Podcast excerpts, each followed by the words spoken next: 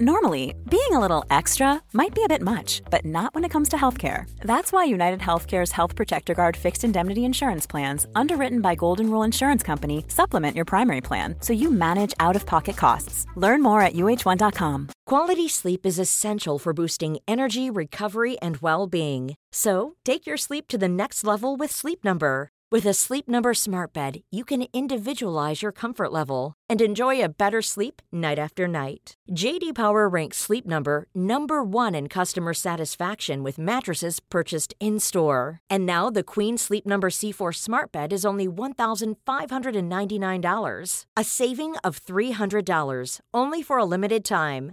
For JD Power 2023 award information, visit jdpower.com/awards. Only at Sleep Number stores or sleepnumber.com.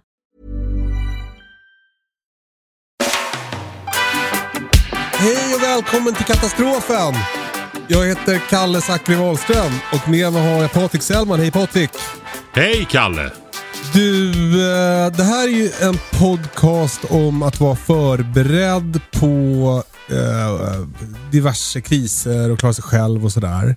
Men ja, nu har jag drabbats av en kris och, och gud vad man inte känner sig förberedd. på det. Blir en podd om lärdomar Ja. i realiteten eller Ja. av verkligheten. Ja, precis. Ja men för, eh, alltså ni kanske har sett det här på, jag la ut på Instagram igår sådär, men, men eh, eh, vår lagård brann ner natten mellan fredag och eh, lördag eh, förra veckan. Eh, jag, eh, och för, ja, jag är ledsen, jag är liksom lite snurrig i huvudet och lite trött och lite stukad och sådär. Men, jag, men, men eh, eh, jag vaknade i alla fall eh, eh, av att hundarna skällde på natten vid halv ett, strax efter halv ett.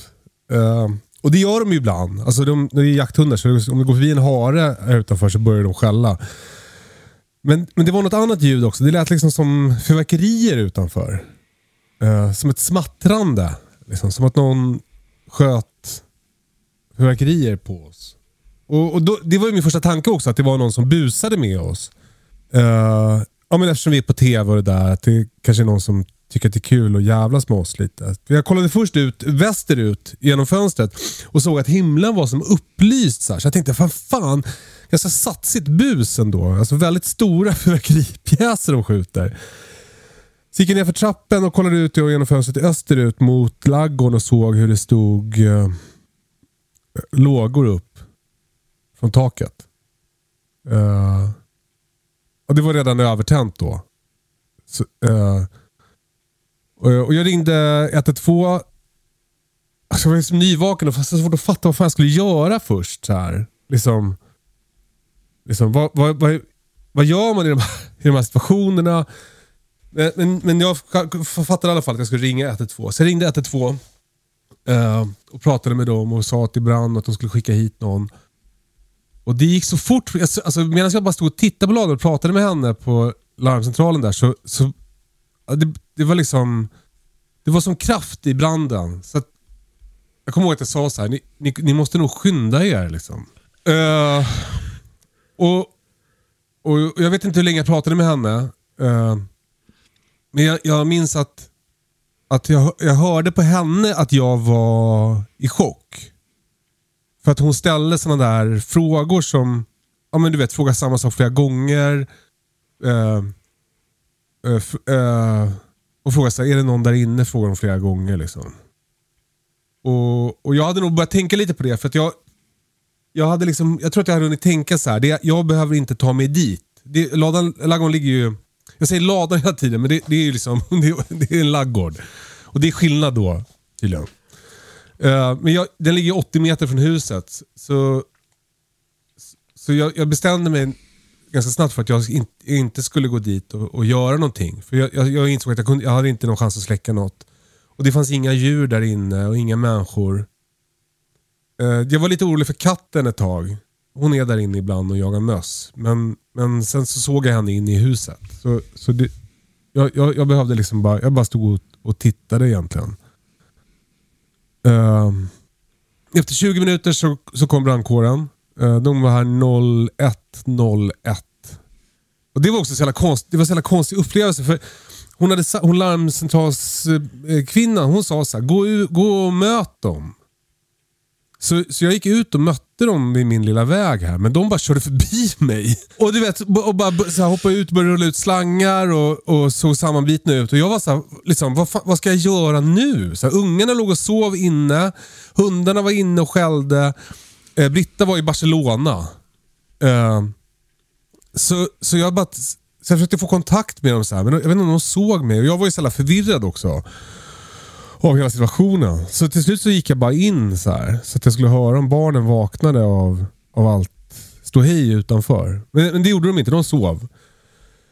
Uh, och Sen så tror jag att jag gick ut och försökte få kontakt igen. Och Då var, sa de så här att det skulle komma någon med en gul hjälm. Som är då den som är liksom, befälet. Och som också då kanske är, har utbildning i att prata med uh, uh, de drabbade.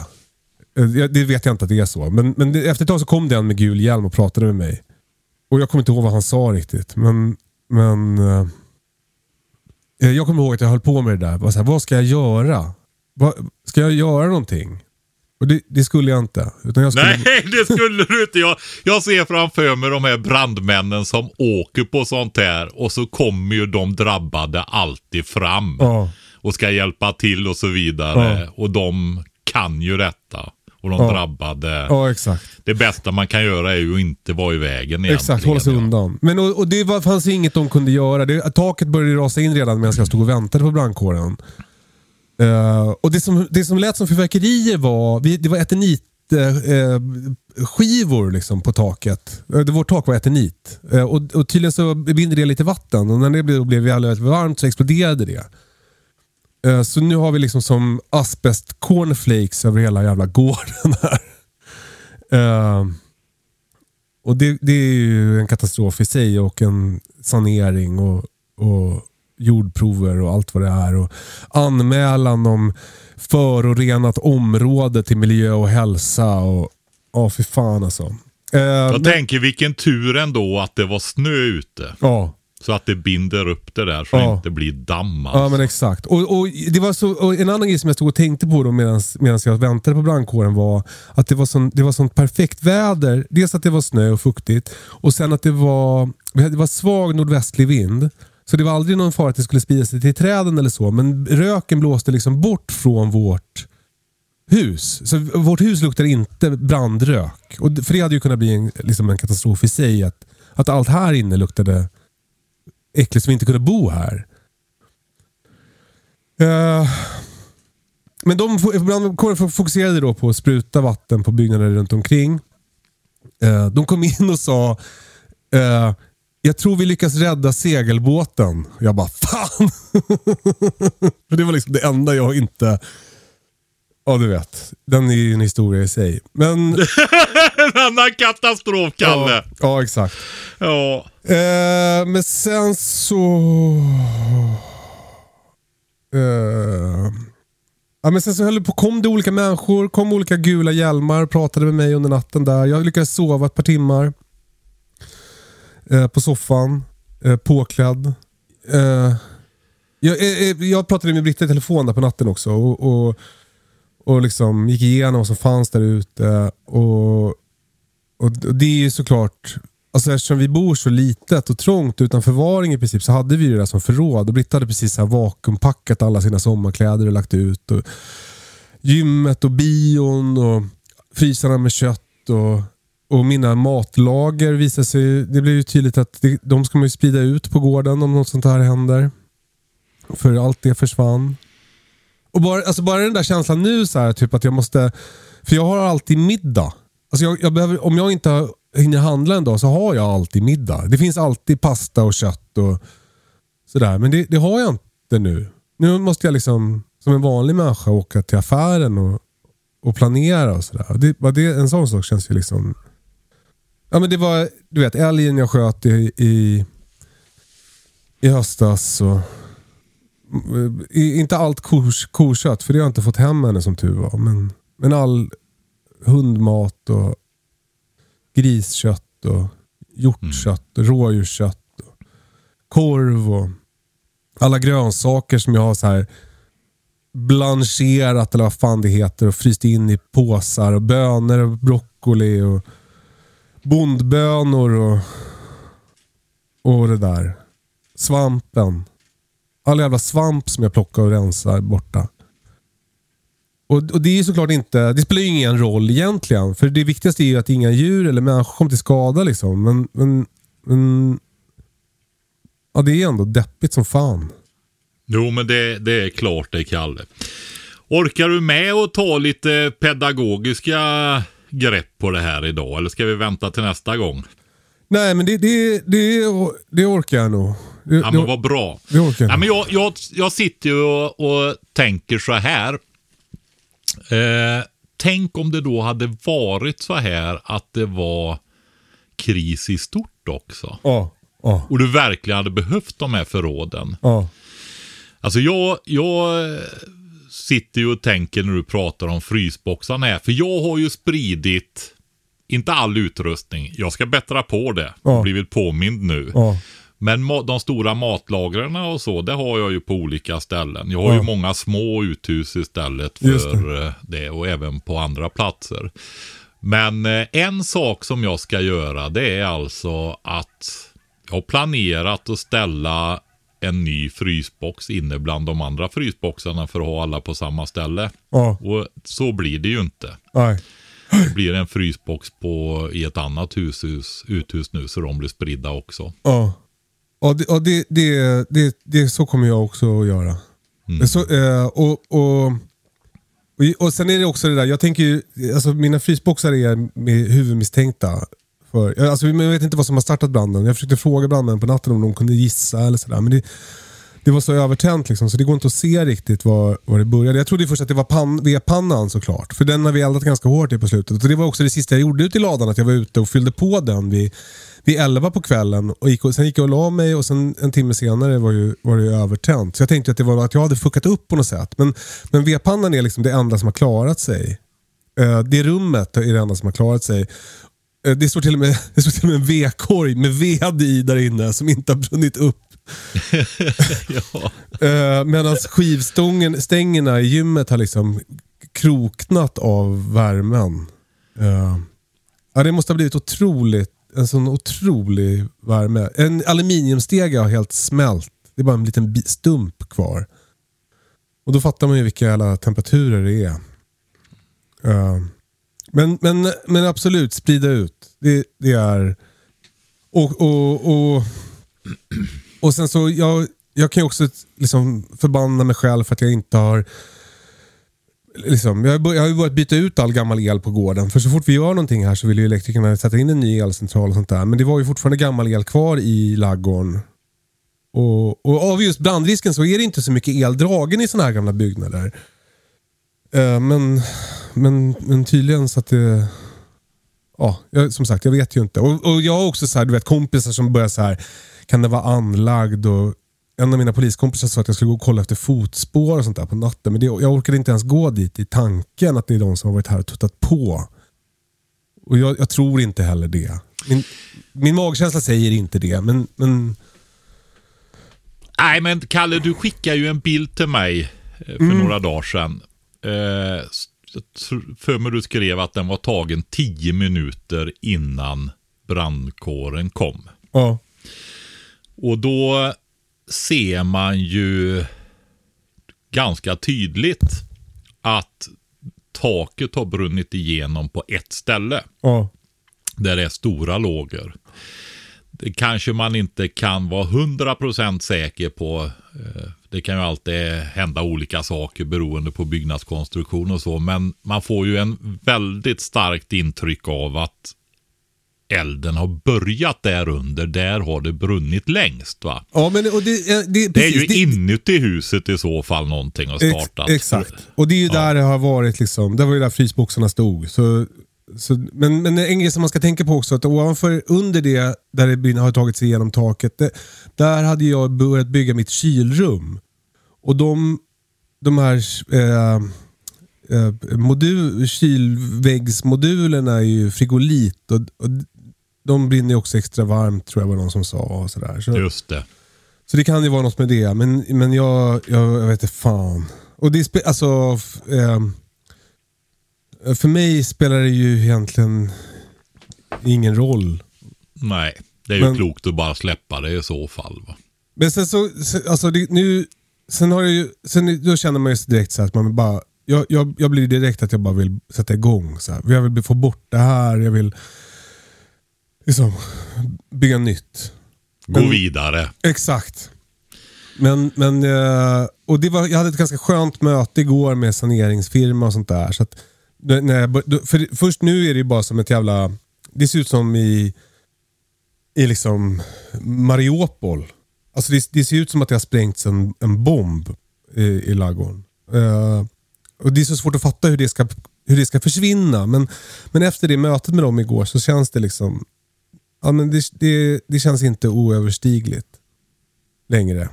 Eh, sen så kommer vi inte att... Och, Alltså det, det, hette- det, man försäkrar inte sådana här gamla byggnader, byggnader till fullvärde. Eller vi hade inte gjort det tydligen. Och det är ju någonting som man inte...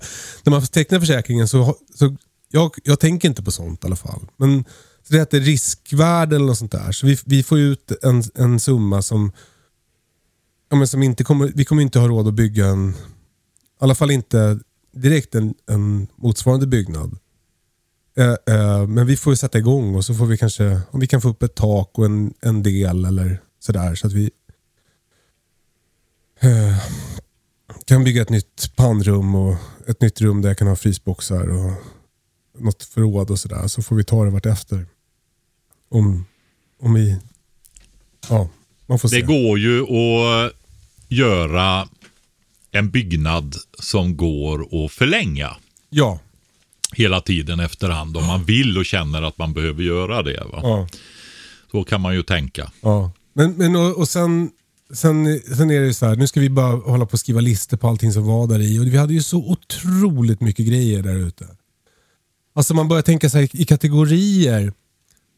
Jag hade ju som en, så här, en låda med våtdräkter, en låda med cykelutrustning, en låda med klättringsselar och skor, ett tält, eh, eh, liksom, eh, husgeråd från radhuset, alla möbler från radhuset. Allt det där ska man nu försöka liksom... Det, det flashar ju till så här, fan den där grejen.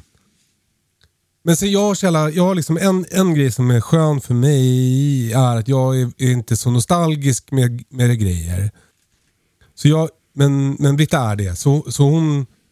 Alltså det var, jag hittade så här en förvriden liten metalllåda som jag vet att jag hade eh, fotografier i från när jag var utbytesstudent i USA i gymnasiet. Och jag kan bara så här. Jag kan liksom... Jag kan typ... Eh, jag kan nästan känna att, jag, att, det, att, jag, att det är skönt. Att det inte, alltså förstår du? Jag, jag kan, näst, jag kan liksom nästan komma i tanken till att det är så här. Att jag liksom inte behöver flytta runt dem. Jag behöver liksom inte ha dem längre. Men, men Britta sörjer dem mer. Och Britta sörjer sina dagböcker från när hon gick i högstadiet som hon hade tänkt att Essa skulle få läsa. Och hon sörjer barnsängen som hennes morfar hade snickrat som hon har förvar, som jag förvarat här åt hennes syrra. Och hon hade något så här hennes mormor och morfar hade ett konditori i Storuman och hon hade liksom lite inventarier från det. Som, som aldrig kommer gå att återskapa eller hitta igen. Liksom. Det, är, det är ju väldigt sorgligt. Det är väldigt, Mm. väldigt sorgligt. Fy fan. Och sen så, ja, men, och sen så blir det sådana där grejer som, som blir tydliga också. Det där som vi pratar om i podden hela tiden med liksom grannar till exempel.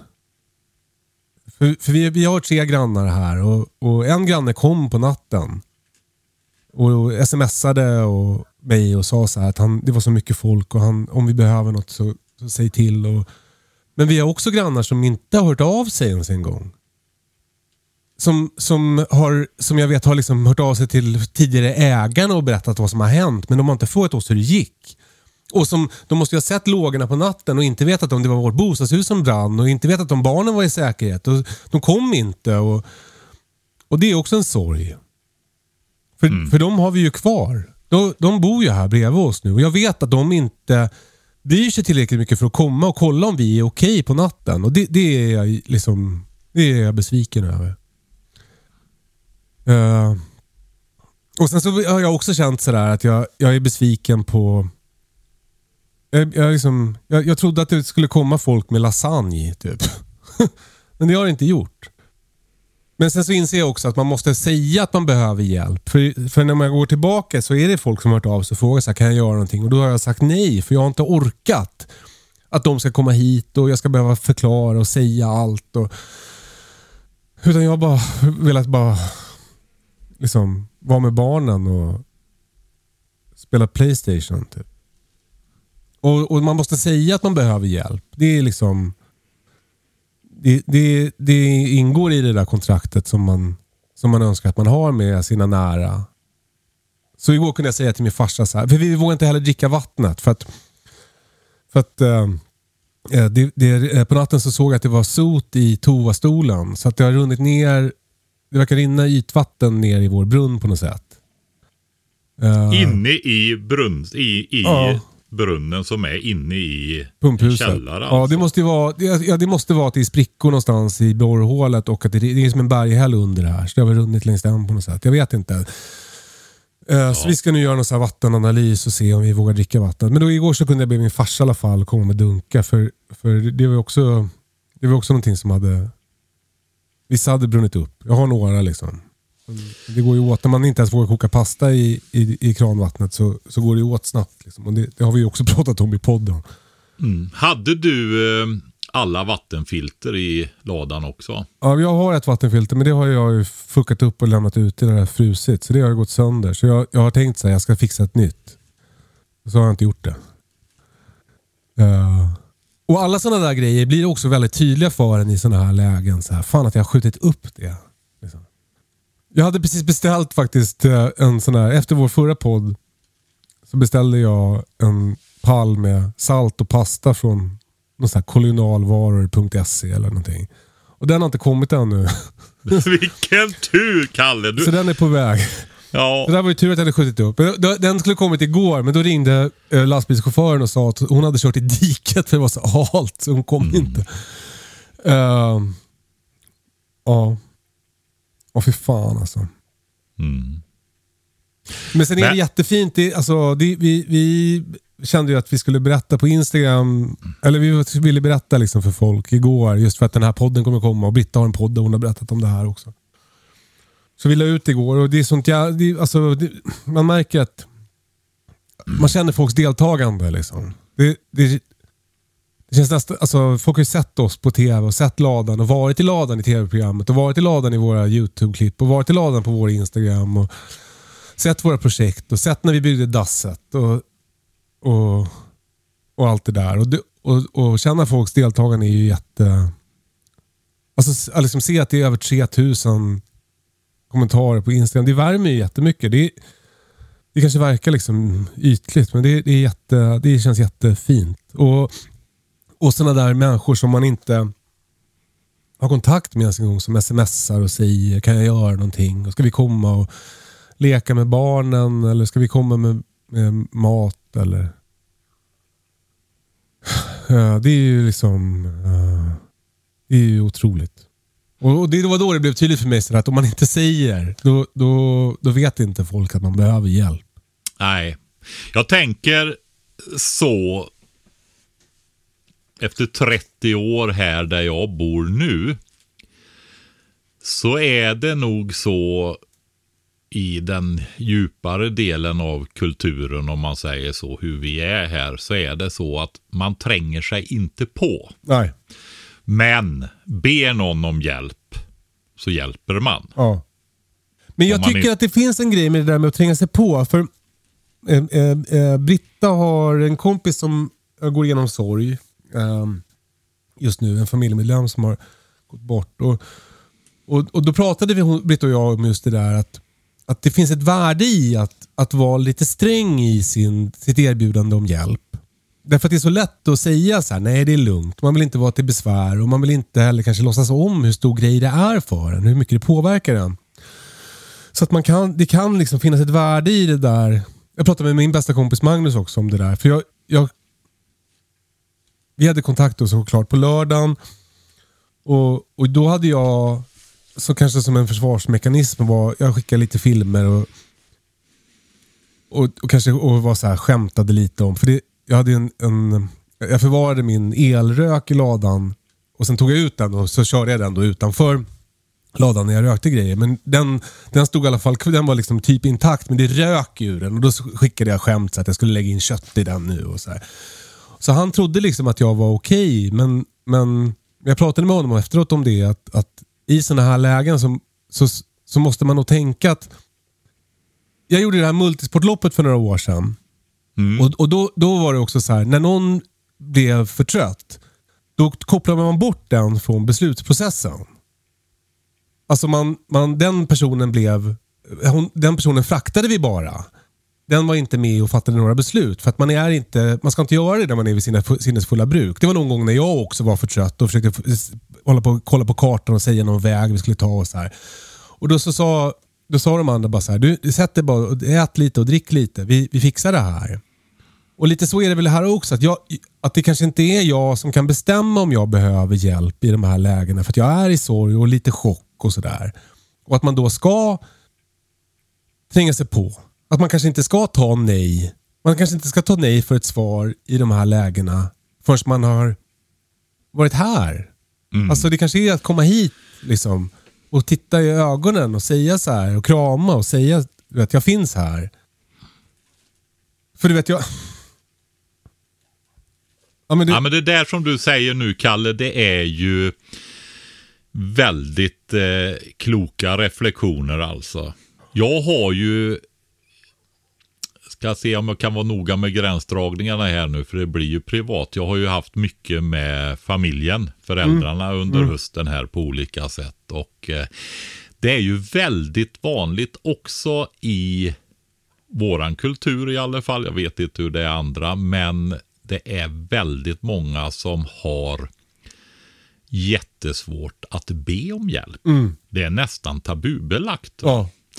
Men eh, jag har ju fått fundera på det mycket och eh, man kan ju inte mer än erbjuda sig heller ja. till en viss gräns då va. Alltså handlar det verkligen om liv och död och sådär direkt, då får man ju ingripa. Men man kan ju inte mer än erbjuda heller. Ja.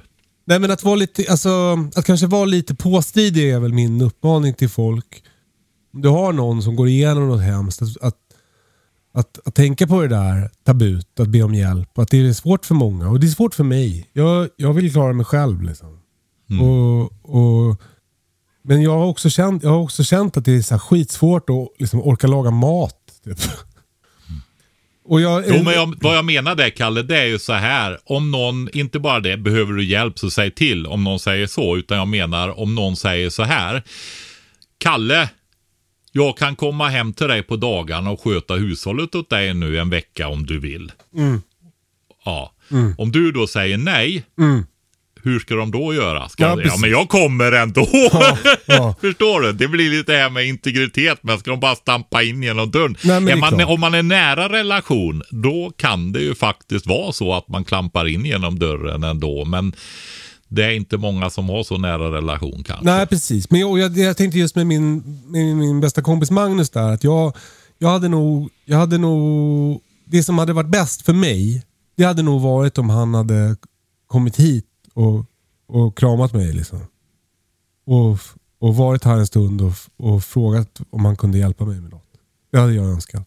Men, men nu har jag sagt det, så nu, nu kommer, nästa gång kommer han väl att göra det. Men, ja.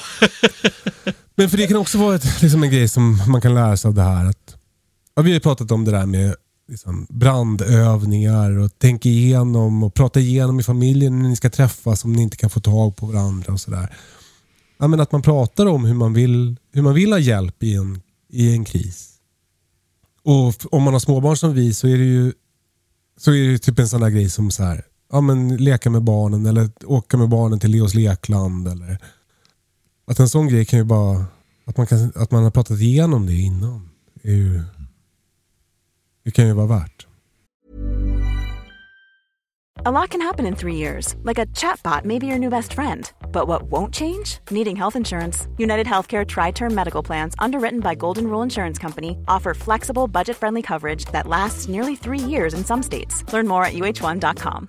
Hey, I'm Ryan Reynolds. At Mint Mobile, we like to do the opposite of what Big Wireless does. They charge you a lot, we charge you a little. So naturally, when they announced they'd be raising their prices due to inflation, we decided to deflate our prices due to not hating you. That's right. We're cutting the price of Mint Unlimited from $30 a month to just $15 a month. Give it a try at mintmobile.com slash switch. $45 upfront for three months plus taxes and fees. Promo for new customers for limited time. Unlimited more than 40 gigabytes per month. Slows. Full terms at mintmobile.com. A lot can happen in three years, like a chatbot may be your new best friend. But what won't change? Needing health insurance. United Healthcare Tri Term Medical Plans, underwritten by Golden Rule Insurance Company, offer flexible, budget friendly coverage that lasts nearly three years in some states. Learn more at uh1.com. Det är ju en, ett sätt att kommunicera är ju att planera i förväg. Ja. Och det är Ja. ju bra vid tillfällen när man inte kan träffas heller. Eller Nej. nå varandra med hjälp om, om det som vi är så vana vid elektronisk kommunikationsmöjligheter idag inte fungerar. Har man haft en plan då, ja då har man ju redan kommunicerat. Ja. Att kommunicera i förväg är ett väldigt bra sätt att kommunicera Ja. också då. Men då måste man ju ändå ha någon sorts för, förförståelse och nu har du ju en efterförståelse. ja. Och den är ju väldigt konkret då. Och det, det där är också en grej som jag, är liksom, eh, som jag känner sorg över. Att jag har aldrig varit så rädd för eld. Alltså för brand. Jag har inte, jag har inte varit... Jag, jag känner lite så här new fear unlocked. Att nu, nu kommer jag behöva tänka på det här resten av livet. Ehm, Det är just den där maktlösheten. Jag, nu när du skickar den där bilden till mig. ja. Då, då, den bilden skrek maktlöshet. Gjorde den verkligen. Ja. Va? Och det var, det var det. den starkaste känslan jag hade där på natten. Maktlöshet. Att jag kunde... Man är så van vid att kunna, kunna göra något. Ja, Men här fanns det ingenting jag kunde göra och hade jag försökt göra någonting så hade det nog bara varit farligt. liksom. Det, Eh, och det, ingen brandsläckare i världen hade ju kunnat göra någonting åt den där branden. Ehm, och hade jag försökt liksom, eh, vi, vi har också fått väldigt mycket meddelanden från folk. Det här är ju någonting som folk är med om. Alltså det här händer ju. Bor man på landet och har sådana här byggnader så händer den här typen av tillbud. Och, och det, vi har fått jättemycket meddelanden från folk som har varit med om samma sak och, och haft djur som har brunnit inne och haft djur man har fått släppa, liksom lyckats släppa ut och rädda. Och, och, och, och, och fy fan alltså. Vad läskigt det är. Mm. Vad man känner sig liten. Vilka Men jag, ja, du skickar ju ett sms till mig när vi chattade här också. Och det tycker jag nästan man kan nämna eh, lite grann. För det finns en klokskap i det också. Och det var, Britta var ju inte hemma. Nej. Men du kommunicerar ju med henne. Och då sa du till henne att hon sa ju så här just om maktlösheten. Men det var ju tur också, Ja. tyckte Britta. Ja. Så jag slapp spela hjälte och försöka rädda någon eller något. Ja. Ja, precis. Hon var ju tacksam att, jag, att det inte fanns något jag kunde göra. Ja. Att jag, fick stå, jag stod 80 meter bort och tittade bara. Och det var ju hon glad för. Liksom. Nej, man behöver ju inte känna dig jätteväl för att inse att du är en doer. Jag har ju alltid sagt det. Vad himla kul med någon som man får lära lite grejer som faktiskt gör som man säger och se till att saker blir gjorda. Ja. Alltså du har ju både det där att inte göra saker till, men du kan verkligen också göra saker. Va? Så att eh, det, det var nog, eh, som hon sa där, att det var, det var lika bra att nödstoppen var intryckt där. Va? Verkligen. Ja men och sen så jag är ju också tacksam över att, alltså, för vår, vi, våra personligheter liksom, även om vi nu är i sorg och chock och allt det där så, så vi, är, vi är ju vi är ju bra på att hantera utmaningar eh, och, och bra på att kavla upp ärmarna och har ett stort kontaktnät och, och har liksom, vi har inte, alltså när det blir sådana här stora grejer så det här är ju alldeles för dyrt för att vi ska ha råd med det. Men vi har ju inte, det, vi, det, vår verksamhet står ju och faller inte med vår, det här är inte, vi kommer inte gå i konkurs liksom. Utan vi kommer ju att, att kunna återuppbygga något, något liknande. Eller i alla fall något, något som kanske fyller vissa delar av funktionen vi hade i ladugården. Även om jag inte kommer att få ett 150 kvadratmeter stort rum där jag kan ha bio och midsommarfester kanske. Men, men, men vi, vi, vi, vi, vi, har, vi är ju resursstarka på, på flera sätt. Och, och, och det är ju skönt i sådana här lägen. Gör ett loft på den nya byggnaden också så blir det ganska fort 150 kvadratmeter. Ja, ja men och sen så vi kan, alltså man, det där kan man ju också hålla på och trösta sig med. Även om det blir jobbigt i vissa stunder och kanske liksom felriktad energi i vissa stunder så kan ju vi hålla på sådär och fantisera om vad vi vill ha istället. Och mycket, av det här, mycket med den här laggården var ju också liksom inte perfekt för oss. Uh, och, och att, att, att kanske kunna... Att det kanske... Det är många som skriver också. Att de har så här, Om tre år så kommer, det, kommer ni ha en, en bättre gård än ni hade innan olyckan. Men det är bara att det är så jävla mycket jobb liksom. Det är så jävla långt bort. Det är så många steg. Det är så många små asbestbitar som ska plockas. Men menar du att eh, det där asbesten, är den farlig när den ligger i jorden också alltså? Uh, alltså det är farligt om det dammar om det. Det är några, ja, det är ju det. Det är det, det jag menar. Va? på fibrerna som gör att man får dem i lungorna. Så är ja. de kvar där så får man cancer. Uh, och, och, ja, vi, måste, vi måste få bort det. Uh, och, för, och förhoppningsvis behöver vi liksom inte schakta bort hela ytlagret. Utan vi, man, vi kan plocka liksom. Uh, ja, de är så pass stora alltså. Ja, exakt. Men det där vet man inte. Det får man se. Man ska göra massa jordprov. Man gräver olika gropar och skickar in till något. Alltså jag har varit i kontakt med Miljö och hälsoförbundet i Haninge. Och, ja, det, det, var, det ska liksom dokumenteras och förslutas och det ska varje dag ska saneringsfirman rapportera till Naturvårdsverket. Och det är fan inte bara att göra. Alltså. Det var ett skämt som jag drog med handläggaren på miljö och hälsa. Som jag som inte landade kanske toppen. Men jag, det, var, och det var skönt att det var för 70 år sedan att vi bara kunde schakta ner allt för slänten här. Mm. Men, men, du, hur mycket snö har du nu då? Eh, nej, men det är, det är, runt, runt laggården där så är det nästan ingen snö. Det är bara is. Mm. Så nu är det ju asbestglass liksom. Och förhoppningsvis så där smälter det där bort. För nu kan man inte, man kan inte påbörja saneringen än. Utan det är, förhoppningsvis smälter, vi ska ha plusgrader hela... Men har det kommit längre bort också på hustomten? Och... Nej, Nej, det ligger som, man ska säga, jag ska säga att det ligger som i, liksom, säg att det ligger eh, åtta meter runt som en, en, som en cirkel runt eh, byggnaden. Ja, ja, ja, men gud vad bra. Ja. Jag, jag, såg framför mig hur detta liksom hade farit iväg flagor över hela Ja, de, det är som små uh, flakes som är ganska tunga då alltså. Exakt, jag har sett exakt. hur alltså, de här for iväg som... över hustomt och grönsaksland och allting. Oh, nej, och då nej, var ju min det. tanke att, ja men om du har snö kvar, ta och kör med snöslunga och plocka upp alltihopa. Ja, det, det känns, äh, känslan är att det ligger runt byggnaden och att det kommer att, att Ja, gå, men då är det ju hanterbart. Och det kommer att vara hanterbart. Även ja, om det, det kommer att vara jobbigt och, och lite liksom, det är skyddskläder och allt det där.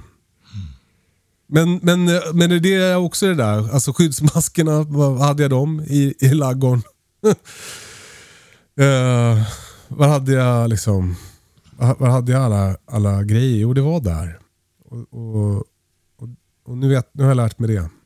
Mm.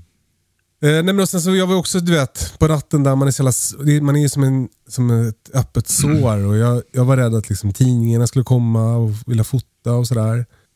Men det gjorde de inte. Och Nynäshamns-Posten som, som skrev om det på natten, att det, om, om, om, om larmet eller om, om att, det, att det var en brand. De, de skrev igår efter att vi hade lagt ut sådär, att de hade, de hade redan på natten fått reda på att det var vi, men hade valt att inte skriva om det av respekt. Och, så. och Det blir man ju jätterörd av, över att det finns den typen av, av liksom, hög etik i presskåren. Det trodde man kanske inte riktigt längre att det fanns. Och, och, och vi har ju också hamnat i... Alltså det här är ju, det blir ju liksom lite liksom svårt för folk att relatera till. Men om man är på tv så, så är man i... Det finns liksom det finns en historia om en som, som går igen i alla, i alla artiklar om en. Och det har varit alltid, har, alltid har varit positivt fram tills att vi, började, tills, fram tills att vi flyttade till gården och började göra tv-program om, om det här livet så har det slagit om och blivit att, de, att det känns som att folk är ute efter att sätta dit oss mycket mer. Att det är så att de kollar och den här bilen har körförbud som ni kör i programmet. Och liksom, eh, eh, folk eh, chansar om att vi tar, inte tar hand om djuren och anmäler oss och sådär. Det har liksom blivit, det har slagit om till att det har blivit negativt. Och det gör, det gör, det gör ju att man blir väldigt liksom, utsatt i en sån här svår stund. Att man blir rädd att man ska få mer skit. Och jag, jag kunde liksom inte undgå att läsa igår att det var någon som kommenterade så här. Så där går det när stadsbor flyttar till landet. Och man bara... Men, men, men det är få. Det är ju några. Och de allra flesta och även då liksom journalisterna som jag hade kontakt med igår från Aftonbladet och Expressen, Göteborgs-Posten och Västerbotten-Kuriren och allt det där. De, de var ju väldigt respektfulla och, och, och, och, och, och kändes liksom... Ja, det, det var skönt att det var så. Att det inte var att det inte var att det kom hit folk på natten och skulle fota med teleobjektiv. Liksom. Ja. Nej, men landsortspressen är nog eh, mer gammeldags traditionell pressetik. Generellt sett skulle Ja, jag nog ja. säga. Ja men precis och det är väl också bara för att alltså, jag kan ju träffa liksom, den där journalisten på, på ICA. Ja, men det är det jag, precis, exakt. Eh, men eh, ja, det blir jag rörd av i alla fall och är eh, väldigt tacksam över. Och, och också som otroligt tacksam över en, en jaktkompis som skickade ett paket som jag fick hämta ut igår med liksom, ost och kex. Bara. Lite marmelad. Bara så här små saker som, som värmer så jävla mycket i sådana här svåra stunder. Fan vad man ska ta hand om varandra. Fan man ska Ja, vara, du. vara noga med det. Man ska vara så jävla noga med att ta hand om varandra. För, för det är jävligt, man känner sig jävligt ensam och utsatt i sådana här, såna här lägen. Alltså. Fy fan. Ja du, det, det är ju så. Vi är här en så kort stund. En ögonblink. Och så håller vi på och är missunnsamma och elaka och eh, håller på med varandra. va. Och, Och- ehm, Och den där gruppen, det finns en grupp på Facebook som är, som är med, med poddlyssnare som heter Eftersnack, i väntan på katastrofen. Och, och de skrev också så här. Kan, kan vi göra någonting? Det, det betyder så jävla mycket. mm. Eh, så tack för det. Jag vet att ni lyssnar. Det, det, var, det var jag väldigt tacksam för. Mm. Och jag vet inte, det finns inget som, som de kan göra förutom att ha tålamod med att podden kommer sent. jag tror du har bra ursäkt den här gången, Kalle. ja, ja, precis. Den här gången. Den här gången i alla fall. Exakt, det var inte hunden som hade ätit upp uh, mikrofonsladden. Utan det var, det här var på riktigt. Ja. Men Ja. du, eh, har du hunnit tänka tanken att det kunde varit värre? Ja, ja, Alltså jag tänker, en del har ju detta i boningshuset. ja. Ja, men och sen också, alltså, eh, det som jag har förbannat vår gård över, det är ju att det är, att det är så utspritt. Att det är 80 meter till, till ladugården. Varje gång jag ska gå och hämta hundmat eller eh, eh, köttfärs så, så tycker jag ju att det är för långt. Att jag tittar på sådana där gamla små ställen där det ligger som en liten fyrkant. Liksom, där det bara är Ja. dörr i dörr. Men för helvete vad tacksam man var över det nu, att det låg så pass långt bort så att det inte blev läskigt. Att jag inte behövde väcka barnen. Liksom. Vi kan bo kvar i huset. Tror du att det var en tanke av de som byggde upp Säkert, gården? säkert. Ja, det var det garanterat. Säkert. Det är sånt där tänkte de ju på förr Ja. såklart. De visste ju att det brinner och så vidare. Det Ja. fanns ju med i allas, allas eh, medvetenhet då. På, Ja. ja, men exakt. Och det har ju varit mycket det har ju varit så, så mycket större katastrof för folk förr. Och så mycket sämre med brandförsvar och så vidare. Så det har ju varit en, en mycket, folk har varit mycket mer rädda för det tror jag. Mm. Därför är det så lite eldragen i, i laggården och sådär. Ja, eh, det här med eh, brand, det är ju så... Eh, ja, förutom att folk kan fara illa och djur och så vidare så är det ju en kanske en av de största ekonomiska katastroferna som vanligt folk har kunnat råka ut för. Så just det här med brandkassor, de finns ju kvar på sina håll fortfarande. Jag Ja. kommer ihåg när jag växte upp som barn i, i Bäreberg nere i Nossebro i Västergötland. Då hade vi vårat hus försäkrat i, i Bärebergs brandkassa. Jaha. Och jag vet att min dotters svärfar, han har varit eh, med, eller till och med varit ordförande eller kassör eller någonting i Elofsruds brandkassa. Men den, den är nedlagd nu tydligen då. Mm. Fi- Utan folk så gjorde så. Man, man samlade pengar i brandkassor, alltså försäkringsavgift heter det ju idag då. Ja. Ehm, och så byggde man upp ett kapital där och var det någon som råkade ut för det så fanns det pengar att Ja. bygga upp då. Det var ju ett sätt att hjälpas åt. Fan Den här självorganiseringen då som var förr. Va? Nu har vi ju försäkringsbolagen till rätta men det gjorde man mer lokalt förr då. Ja. Nej men och sen eh, på, eh, som händer på natten också. Vi har inkommande el till gården. Det är, liksom, det är stora elcentralen sitter på laggården. Eh, den, den kortsidan klarade sig som tur var bäst. För det var murat. Ehm, så, så inkommande el funkade. Däremot så blev det ju eh, eh, strömlöst på natten. Men då gick våra, vår batteribank igång och höll huset igång i några timmar. Det var ju också typ 20 minus ute. Eh, även om min väderstation flippade ur lite på natten för den, den fick nog värme från branden tror jag. För den tyckte att plötsligt att det var tre minus bara. Men, men så jag fick hålla på och elda ganska mycket i, i, i min eh, eh Vasaugn här inne för att hålla värmen. Och eh, Sen så, men sen kom det, det en, en grej som jag inte visste fanns var någonting som heter restvärdesledare. Som är en person som är ja, men lite som delgivningsman. Alltså en pensionerad någonting som, som vill fortsätta hålla på. Så det kom en gubbe i varseljacka och hjälm på natten. Som då är utsänd från försäkringsbolaget oavsett vilket försäkringsbolag man har.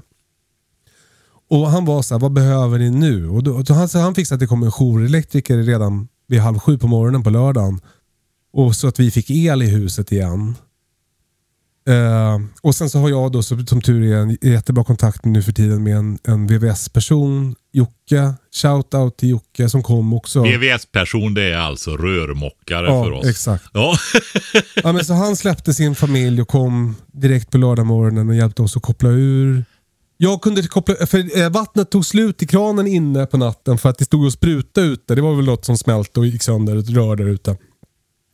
Men då kunde jag, jag kunde gå ut och stänga av vattnet upp till, till ladugården. Så att, så att det försvann i alla fall. Men sen Jocke kom och hjälpte oss att tömma kulverten på vatten och, och, och pannan och, och allt det där. Så, att, så nu är huset, vi kan bo kvar liksom och huset har, vi har el och vatten även om vi inte vågar dricka vattnet än då. Eh, men, eh, men som Men- sagt, man var glad att man kunde elda inne då för att, för att Ja. 20 minus, det går fort för huset att bli kallt alltså. Ja men exakt just att det var så kallt väder med. Men jag tycker en grej, eh, just det här att du har ju, hade ju tre olika möjligheter att värma huset. Det var en, det var ju det pannrummet som var i laggården. Det blev ju förstört då. Eller ja, det Ja, ackumulatortankarna är förstörda. Själva pannan Ja. klarade sig. Ja, men att det fungerar inte i alla fall när det var minus 20. Nej. Men sen har du ju inne i huset en luft, vatten, värmepump också va? Precis, och den går Som- ju nu. Och det har ju alltid varit som ett nederlag för mig när jag hör den, för då har jag eldat för dåligt. Men, men nu är jag ju jätteglad för det, för det är ju ett bra system. Alltså det är ju, så har ju de flesta, alltså det är ju ett väldigt bra system som många har. Och det drar el, men det drar mycket min, väldigt lite el och sådär. Så, så, och nu funkar det toppenbra. Jag är, det är jag ju jätteglad för. Så Mm. redundansen är man ju... Tack för det Patrik. Ja, och så Vasaugnen på det då. Ja, så du, ja. Där har du ju den där redundansregeln med tre olika då. Pannan, luft, vatten, värmepumpen och Vasaugnen. En grej som, som, jag, som jag blev lite besviken på mig själv över. Vi har ju också en sån här en smal spis i köket för att som vi kan elda och, och laga mat på. Som, står, som är, är precis bredvid vår vanliga spis. Mm. Eh, men den, alltså, eh, den vågade jag, jag tänkte jag skulle ha kaffe på natten där, men jag vågade inte elda i den för att den är så, det är så mycket eh, stekflott på den från, från spisen. Alltså det stänker när man steker grejer och sånt där. Så jag tänkte att den var också brandfarlig. Så det är en, en, en dålig konstruktion av oss, att den är precis bredvid vanliga spisen. Eh, så det, det har jag också lärt mig. Den hårda vägen. Att den, den ville jag liksom inte använda där. Också för att jag var ganska rädd för brand just då. Du hade ju kunnat skura den eller diska den. Precis, men... Med Ja. diskmedel och, ja, Ja. men det är så. Det är väl, är väl eh, när du tittar tillbaka till detta. Jag tänker just det där med eh, att man inte fungerar i tanken. Du berättade om det där multisportloppet också. Det där är väldigt, väldigt bra att vara medveten om det. Och att man sköter om sig. Jag tänker på, du kan hamna där när du får brist på kalorier till exempel. Innan kroppssystem och sånt ställer om sig och så. Ja. Eh, du kan få det utav att du blir nedkyld. Ja. Alltså ja men alla de där grejerna som vi har pratat om så, jävla abstra- så abstrakt i podden. Som vi uppmanar folk att, att göra och sånt där. Det, det, det, det, blir väldigt påtagligt sådana här gånger. Att det är allvar. Mm. Ja, när det blir allvar så blir det allvar. Så Och att man att, att i de där stunderna av chock och, och just när man inte funkar som man ska. Att ha en, en att ha tänkt på det innan någon gång så att man har en plan. Liksom. Det är ju till stor hjälp i sådana där stunder. Ja, och nätverk då som man Ja. har med en plan också. Ja. Att man tänker igenom saker som... Alltså det är ju det där... Ja, men och du vet att, ha, att, ha, att jag har en kompis som säger som dagen efter smsar och säger så här, vill ni komma hem till oss och käka middag och spela Försvunna Diamanten? Alltså, bara det. försvunna diamanten ja. Alltså bara det. Så Ja. jä- alltså nu, nu orkar jag inte det. För att jag, jag orkar inte det socialt, tror jag. Och jag, hade det varit värre kanske jag hade, hade behövt tacka ja till det. Nu lyckades jag, jag lyckades liksom mana, mana kraft och laga mat till, till familjen. Men, men att, att, att ha det där, att någon säger det, det är så jävla värdefullt. Jävla värdefullt. Precis. Jag skulle ändå vilja ta tillfället i akt. Vi har ju pratat om det här med, ja, vi har ju våran ramsa hemskt vis. Mm. Den sista där s i vis då. Det är ju säkerhet. Ja. Och vi har ju haft ganska mycket om brand. Mm. Men jag vill ta upp det också just det här framförallt när det gäller bostadshuset då. Och så förflytta dig till när det är jäkligt risigt. Hela samhället går på knäna av yttre påfrestan och, och så vidare. va Vad det nu är för någonting. Och du kommer, då kommer ditt hus att vara värdefullare än någonsin. Så när man tittar på eh, vad man kan göra för någonting i huset då, så gå lite längre än det där vardags och ha en brandsläckare som det står någonstans och så vidare. För ofta är råd som man får, det bygger ju också på att allting funkar som det brukar i samhället. Exakt, exakt. Men om du vill öka din beredskap så gå och tänk igenom det. Jag har ju gjort några grejer. Givetvis så eh, har man batteridrivna brandvarnare. Alla sovrum.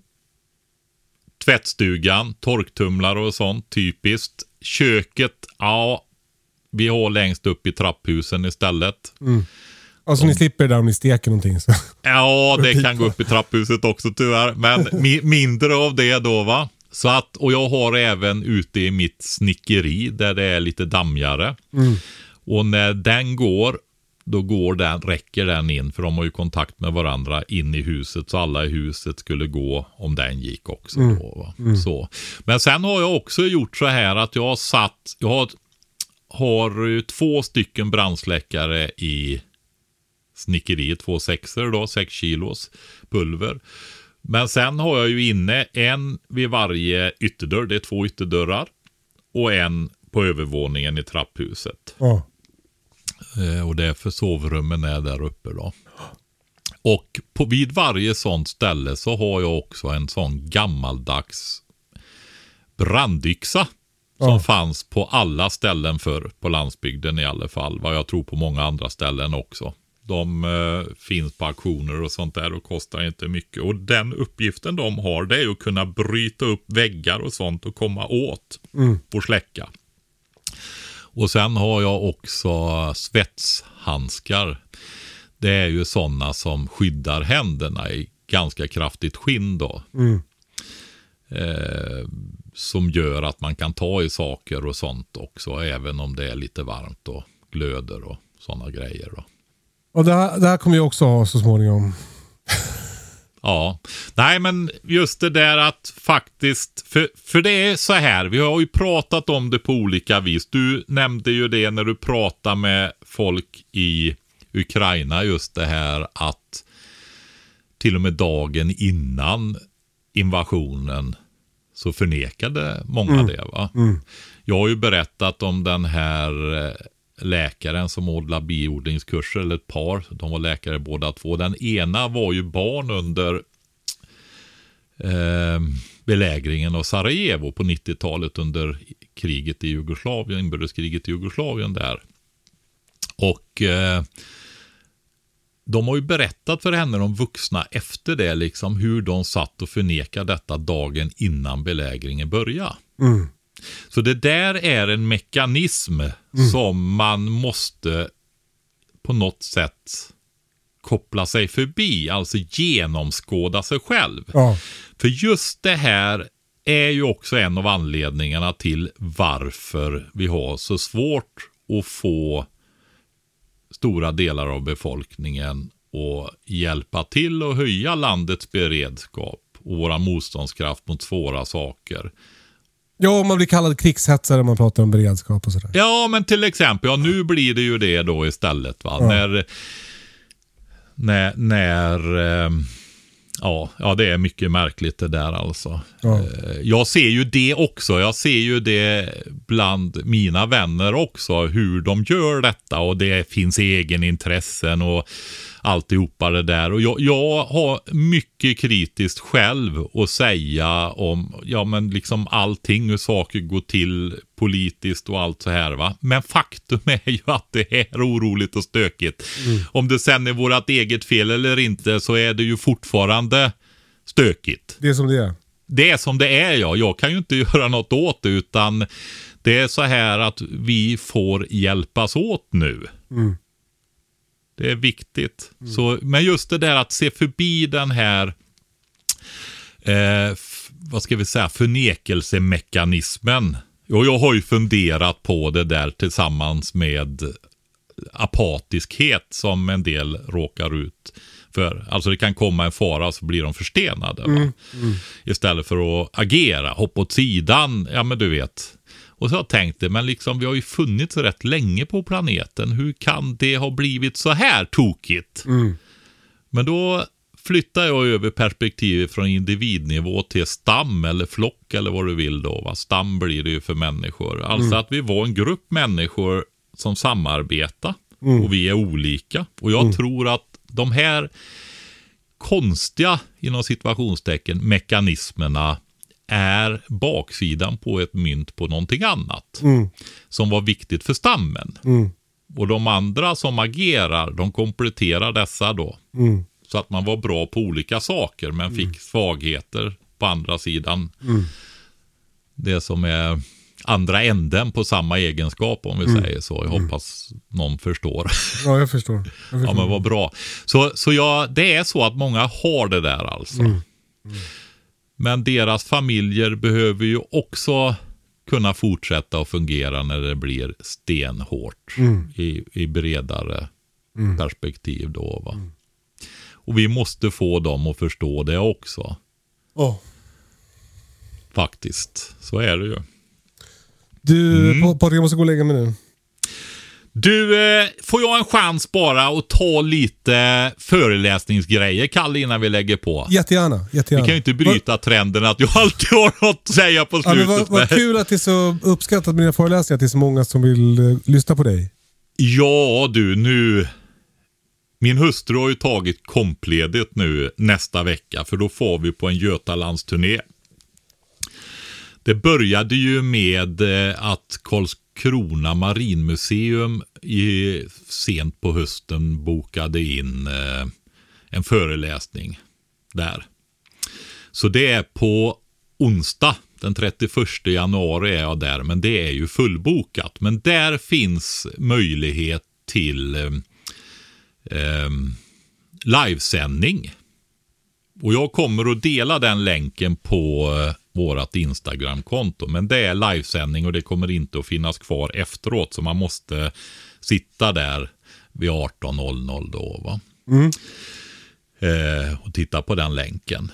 Men eh, då har jag ju bokat in runt omkring den för det blir längre sådana resor till föreläsningar så det är bra att ha någonting på vägen.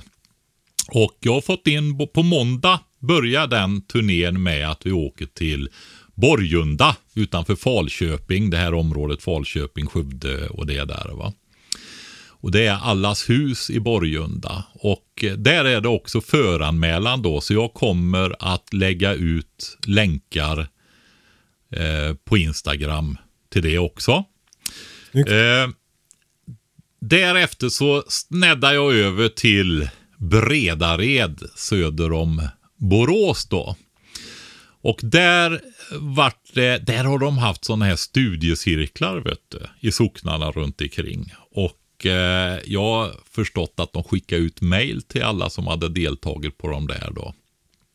Eh, så att när jag la ut länken på den eh, föreläsningen på Instagram så fick jag efter någon timme så kom det, det är fullbokat. Och jag tänkte, nej, nu är det nog, undrar om de har blivit något fel där som har lagt ut för få platser eller något sånt där. Skrivit fel, du vet, lätt hänt va. Och vilken tur att de gjorde föranmälan då. Eh, men det visade sig att det var alltså 85 platser i lokalen och de var fullbokade och 45 reserver redan va. Du är krisberedskapens Justin Bieber.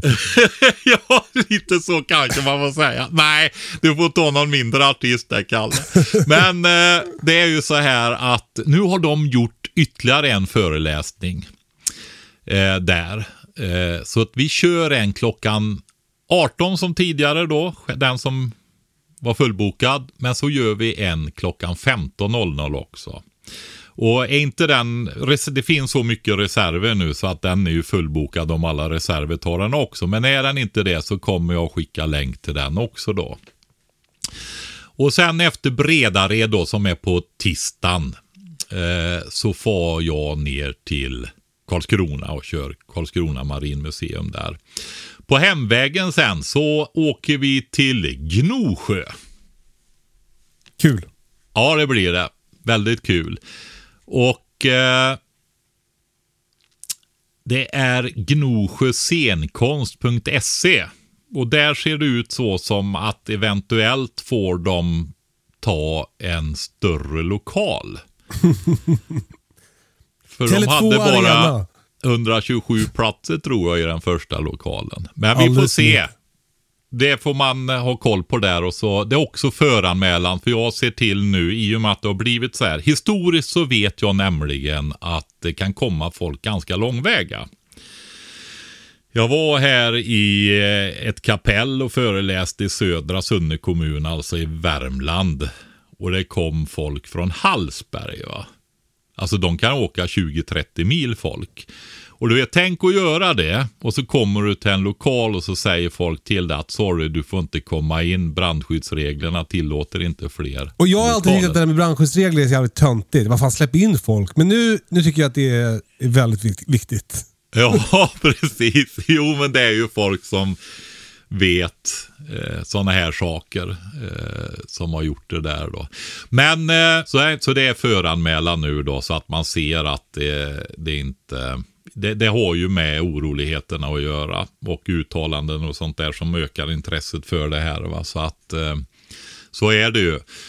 Eh, men eh, det ska bli jätteroligt. Sen ska jag åka och hälsa på min pappa på fredagen på hemvägen i Kungälv där jag och Ingmarie, min hustru då. Det, det säljer du inga biljetter till, utan det är privat. Nej, det gör jag inte. Men det, på, det passar jag på att göra när jag åker där. Men det som är sen också, det är vecka nio. vill jag säga. Sportlovsveckan. Sportlovsveckan för oss, ja. Värmland och Stockholm. Eh, då är ju min hustru ledig också, för jag vill gärna ha med henne när jag kör flera. Dels blir jag väldigt trött av allt resa. Jag kommer ju vara helt förstörd. Och sen blir det en rolig grej också. För då kommer livepodd-Hjalmar hem och passar stället här. Jaha, ser du. kul. Jajamensan. Min, det är min son som är här och sköter alla djur och allt nästa vecka då. Hans familj. Men sen har Hjalmar lovat att ställa upp vecka nio, så han kommer. Får ju träffa han igen. Men då är det bara måndagen som är färdigbokad där och det är Östhammar i Uppland. Så tanken var att den skulle gå, att det skulle bli en Norrlandsturné. Men de har varit, jag har haft mycket förfrågningar där, men det är alltså ingen i hela Norrland som har lyckats få till en eh, föreläsning. Vilket man kan tycka är lite, ja, märkligt Svagt. faktiskt. Ja, kanske till och med svagt. upp.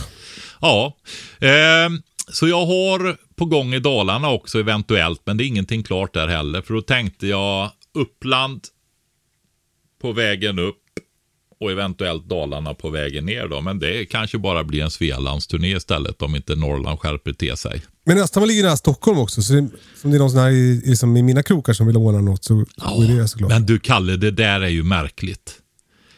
Jag fick en förfrågan ifrån en kvinna i Stockholm. Men det visade ju sig sen att hon bodde ju närmare dig egentligen, en halvtimme ifrån dig. Mhm.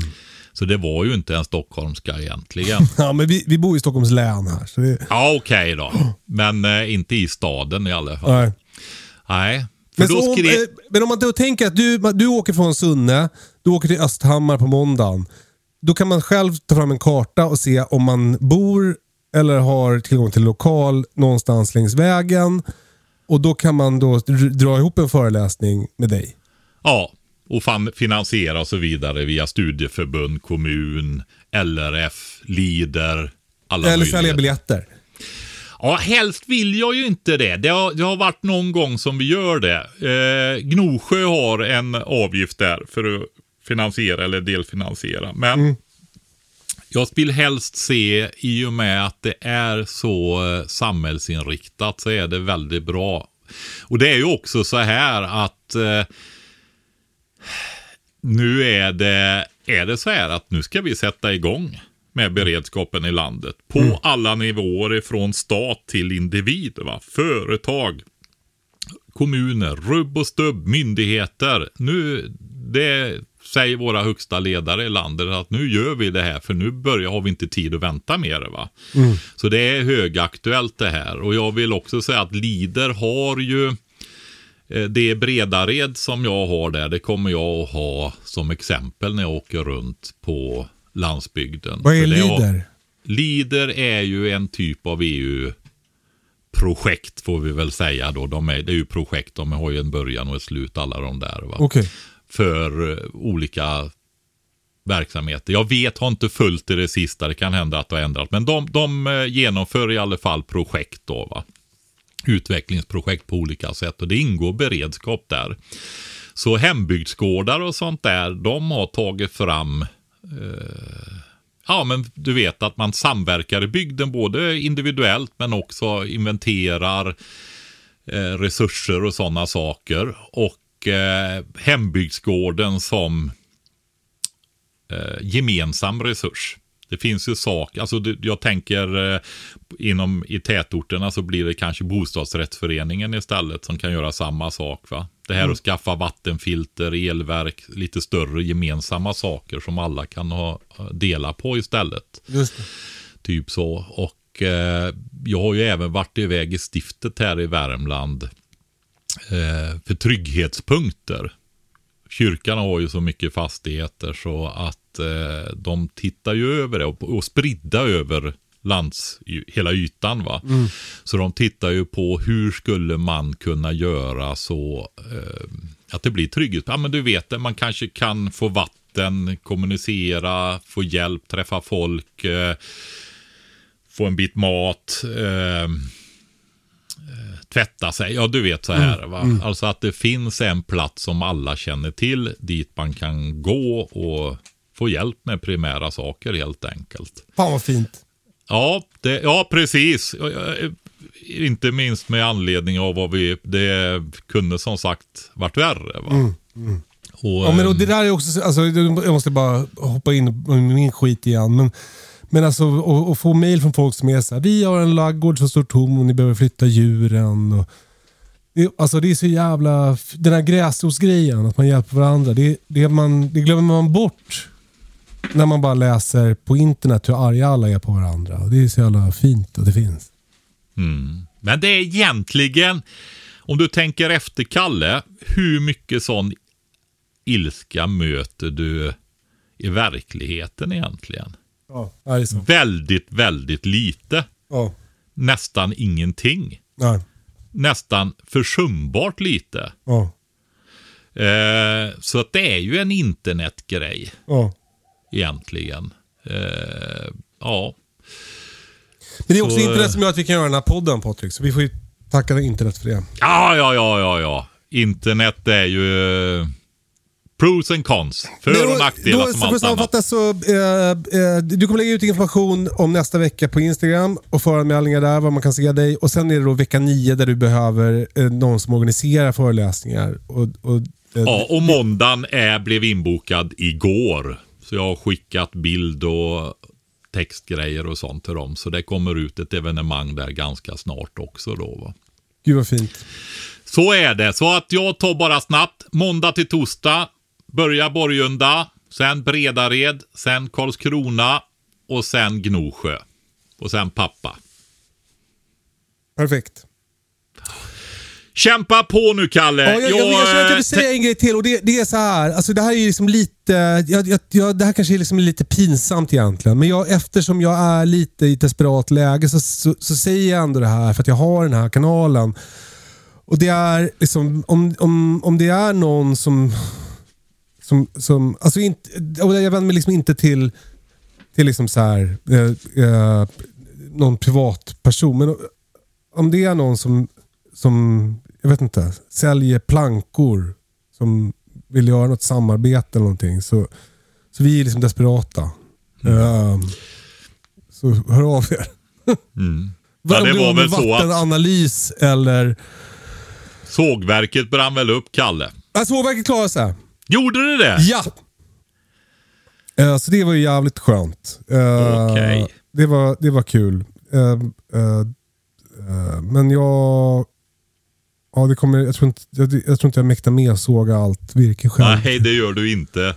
Inte i rätta av allt annat. Men vi är ju liksom, eh, det är aldrig eh, billigare än nu att göra ett samarbete med eh, eh, Kalle och Britta. så om du har något eh, så hör av dig. Eh, f- Förlåt för det pinsamma meddelandet, men jag, jag, är, jag befinner mig i en situation som jag inte riktigt mäktar med på egen hand. Inte minst ekonomiskt. Så, Ja. ja. Du har ju jobbat ganska hårt större delen av ditt vuxna liv för att hamna i den positionen att du kan be om den hjälpen också, Kalle. Ja, ja, tack. Så är ja, det. Så är det. Ja, Vi, eh, vi hörs sen Patrik. Tack för idag. det gör vi. Kämpa Eh. på nu, Kalle, och lycka till med allting. Tack snälla. Puss och kram alla som lyssnar. Eh, vi hörs nästa vecka. Eh, då live från eh, turnén i Götaland. Ja, vi, hade, vi, vi kör ju bara ett. Vi skulle ha behövt spela in två idag ju. Precis. Jag Ja. tar med och kör Skype via mobilen och headset och en handburen ljudinspelare. Så det ska bli någon form av ljudkvalitet. Men Snyggt. så får det bli. Det är så får det bli. Kul. Det ser vi fram emot. Eh, ha det så bra. Hej då! Hej då!